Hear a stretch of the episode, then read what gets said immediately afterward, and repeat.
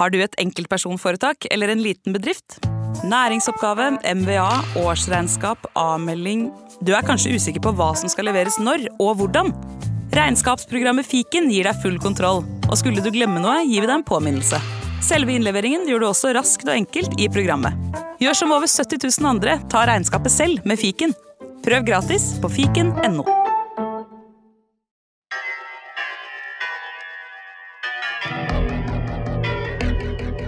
En god barndom. Du hører på Uvirkelig fra Svarttrost. Denne historien er skrevet av forfatter Jan Erik Vik og har fått navnet En god barndom.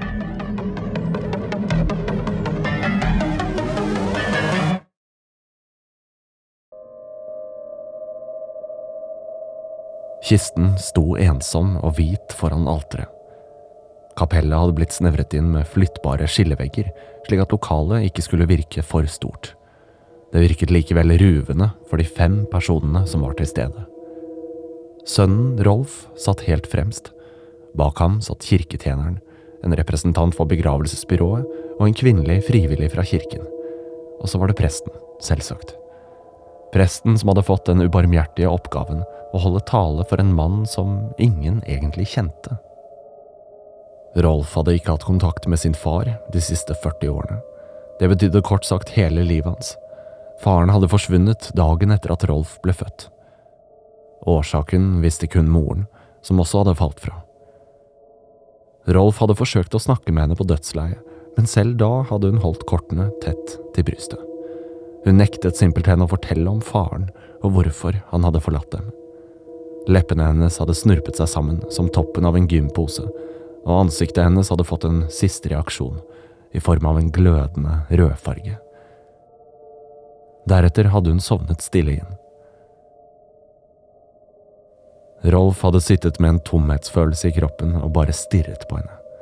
Det hadde alltid vært de to helt til den forbannede sykdommen hadde invadert kroppen hennes. Det hadde gått fryktelig fort, nesten så han ikke rakk å få tatt et skikkelig farvel. Fra den ene dagen til den andre gikk hun fra å være en livskraftig energibombe til nærmest å visne som en rose uten vann. Blad etter blad falt av, helt til hun til slutt satt igjen som en ugjenkjennelig, tynn, liten stilk. Likevel var det moren som var der inne standhaftig og sterk, men også så svak.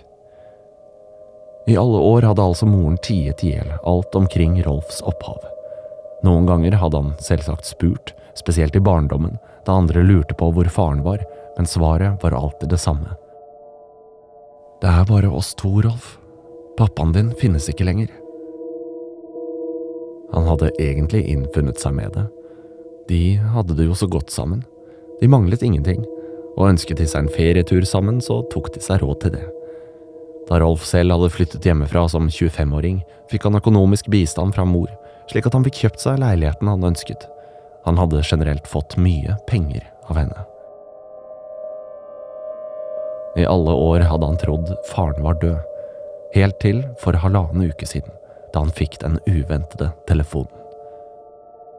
Den kom fra presten som nå sto foran ham og snakket i floskler om denne mannen som viste seg å være hans kjødelige far. Din far er død, hadde presten fortalt i telefonen. Jeg har ingen far, var dette for en dårlig spøk? Rolf hadde blitt opprørt og en anelse forbannet. Det hadde stilnet i den andre enden av linjen. Presten hadde kremtet, og etter hvert stotret frem noen nye setninger. Eh, jeg fikk beskjed av Torfinn om å ta kontakt med deg når livet hans tok slutt. Jeg hadde ingen anelse om at du ikke visste det var Hvem Torfinn? Samtalen hadde kokt ut i at presten ba Rolf ta turen til kontoret hans. Mye måtte klareres opp i. Rolf hadde sporenstreks satt seg i bilen. Han hadde hatt en uggen følelse i kroppen, og humøret hans svingte fra forvirring til sinne og nedstemthet. De seks milene han måtte kjøre til tettstedet hvor presten holdt til, virket nærmest evig. Tankene hadde spunnet som tråden på en gammeldags rock, men de viklet seg stadig inn i en mer komplisert knute. Da han hadde ankommet kirkebygget, sto presten på parkeringsplassen og røykte. Han hadde stumpet sigaretten raskt da Rolfs Mercedes svingte inn på parkeringsplassen. De hadde håndhilst og gått inn på kontoret. Møtet hadde vart omtrent i en time.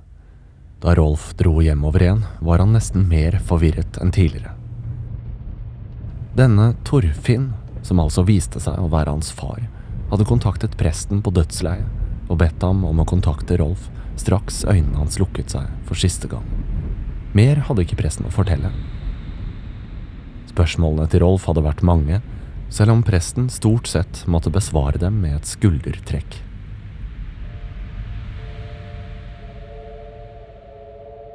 Nå sto altså den samme presten foran ham og talte om livet og om døden. Hans egen far var midtpunktet. Det ble en kort seanse. Torfinn hadde ingen annen familie, ingen nære venner og heller ingen jobb. Han hadde plutselig fått et illebefinnende på gaten, og det viste seg å være en uhelbredelig sykdom.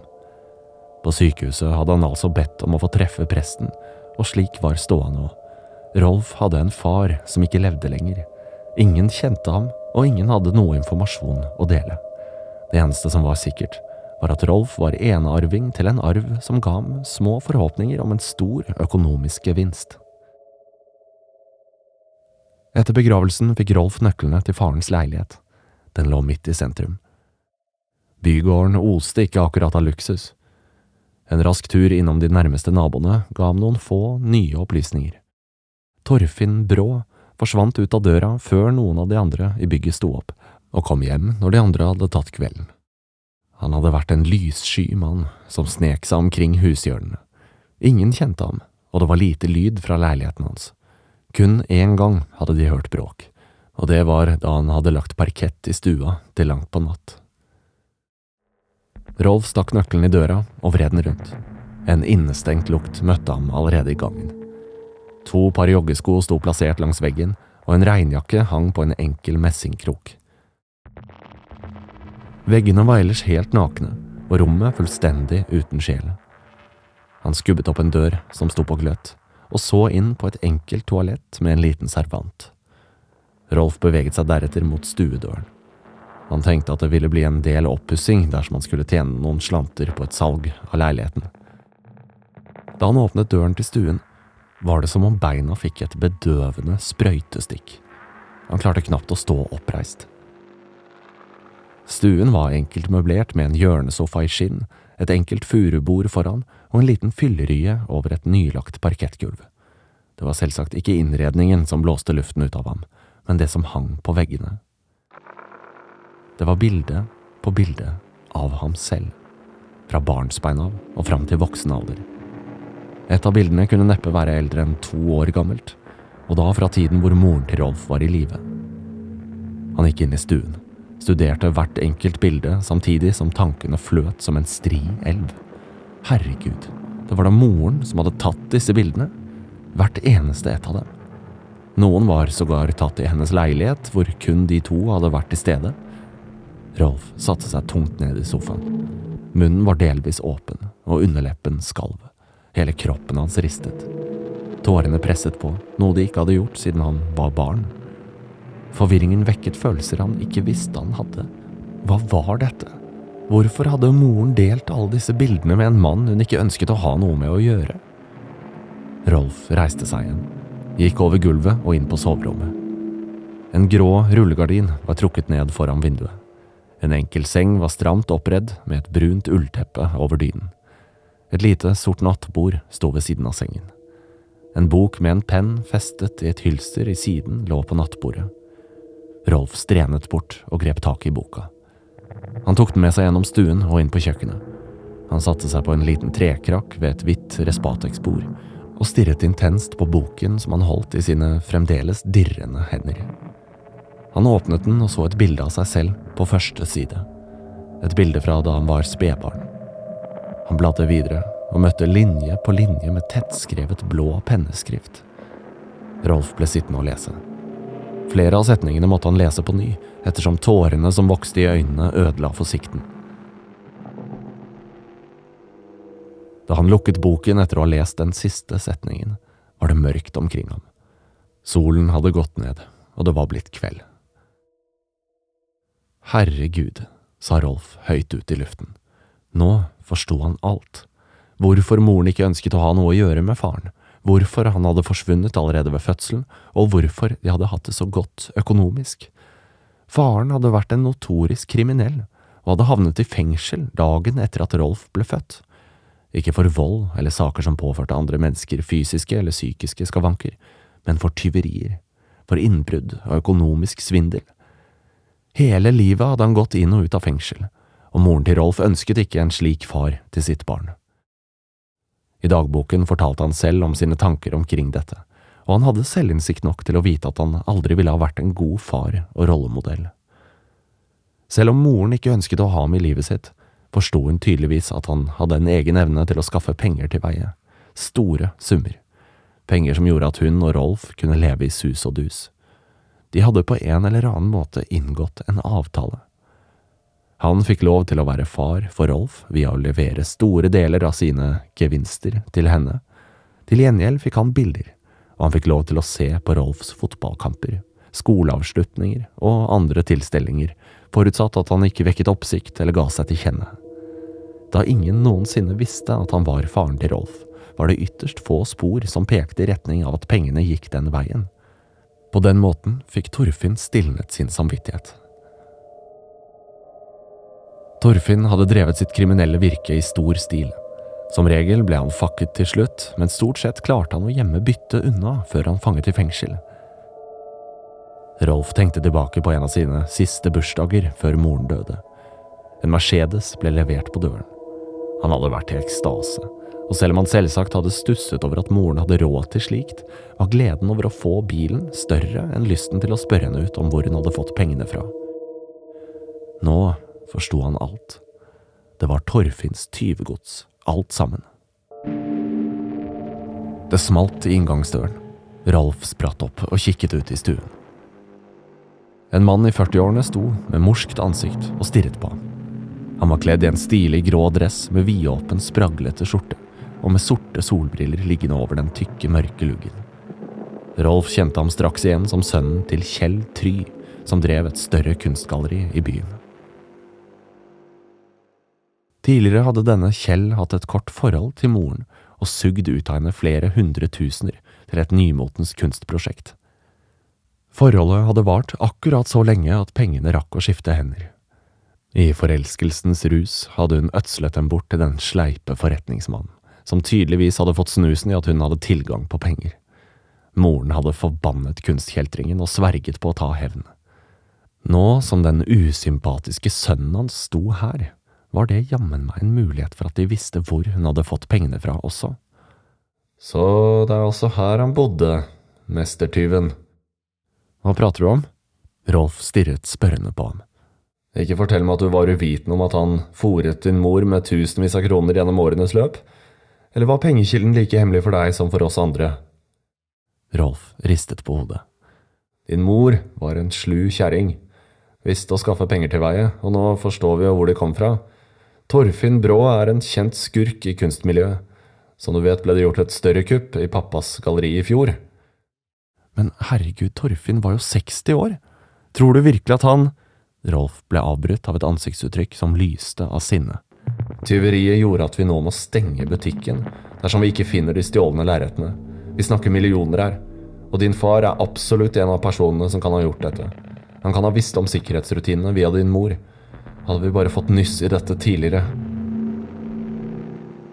Forretningsmannens sønn begynte å dra ut skuffer og skap, røsket innholdet ut og brakk i stykker platene bak for å sjekke om noe var festet på baksiden. Som en tornado for han gjennom leiligheten. Rolf løp etter.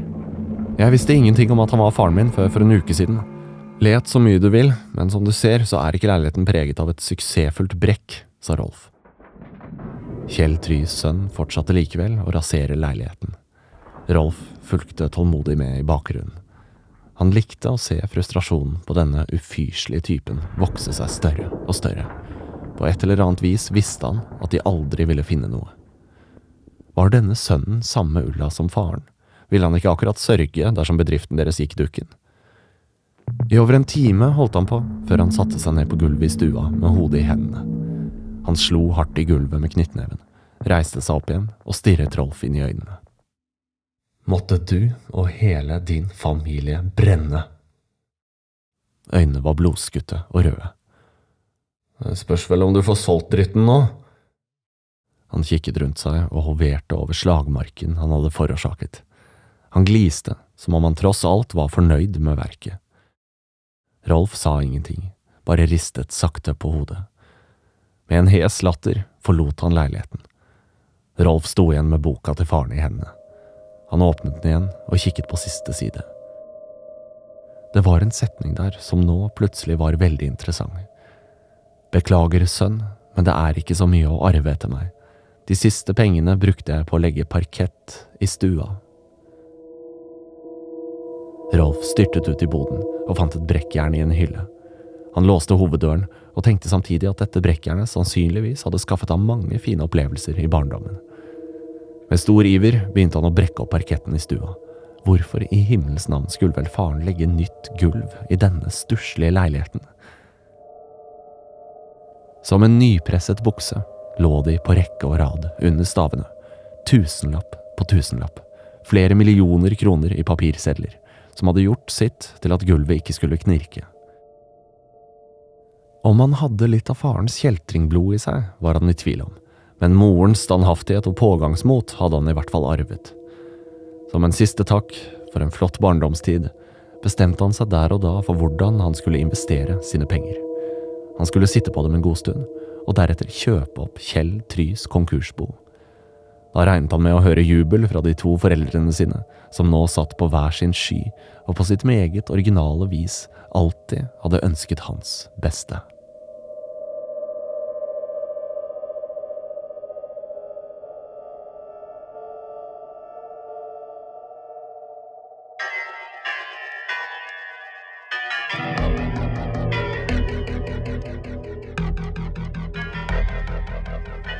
Du har hørt en novelle skrevet av forfatter Jan Erik Vik, produsert av Svarttrost. Historien er lest av Scott Maurstad, og Hans Kristen Hirve har stått for musikk og lyddesign.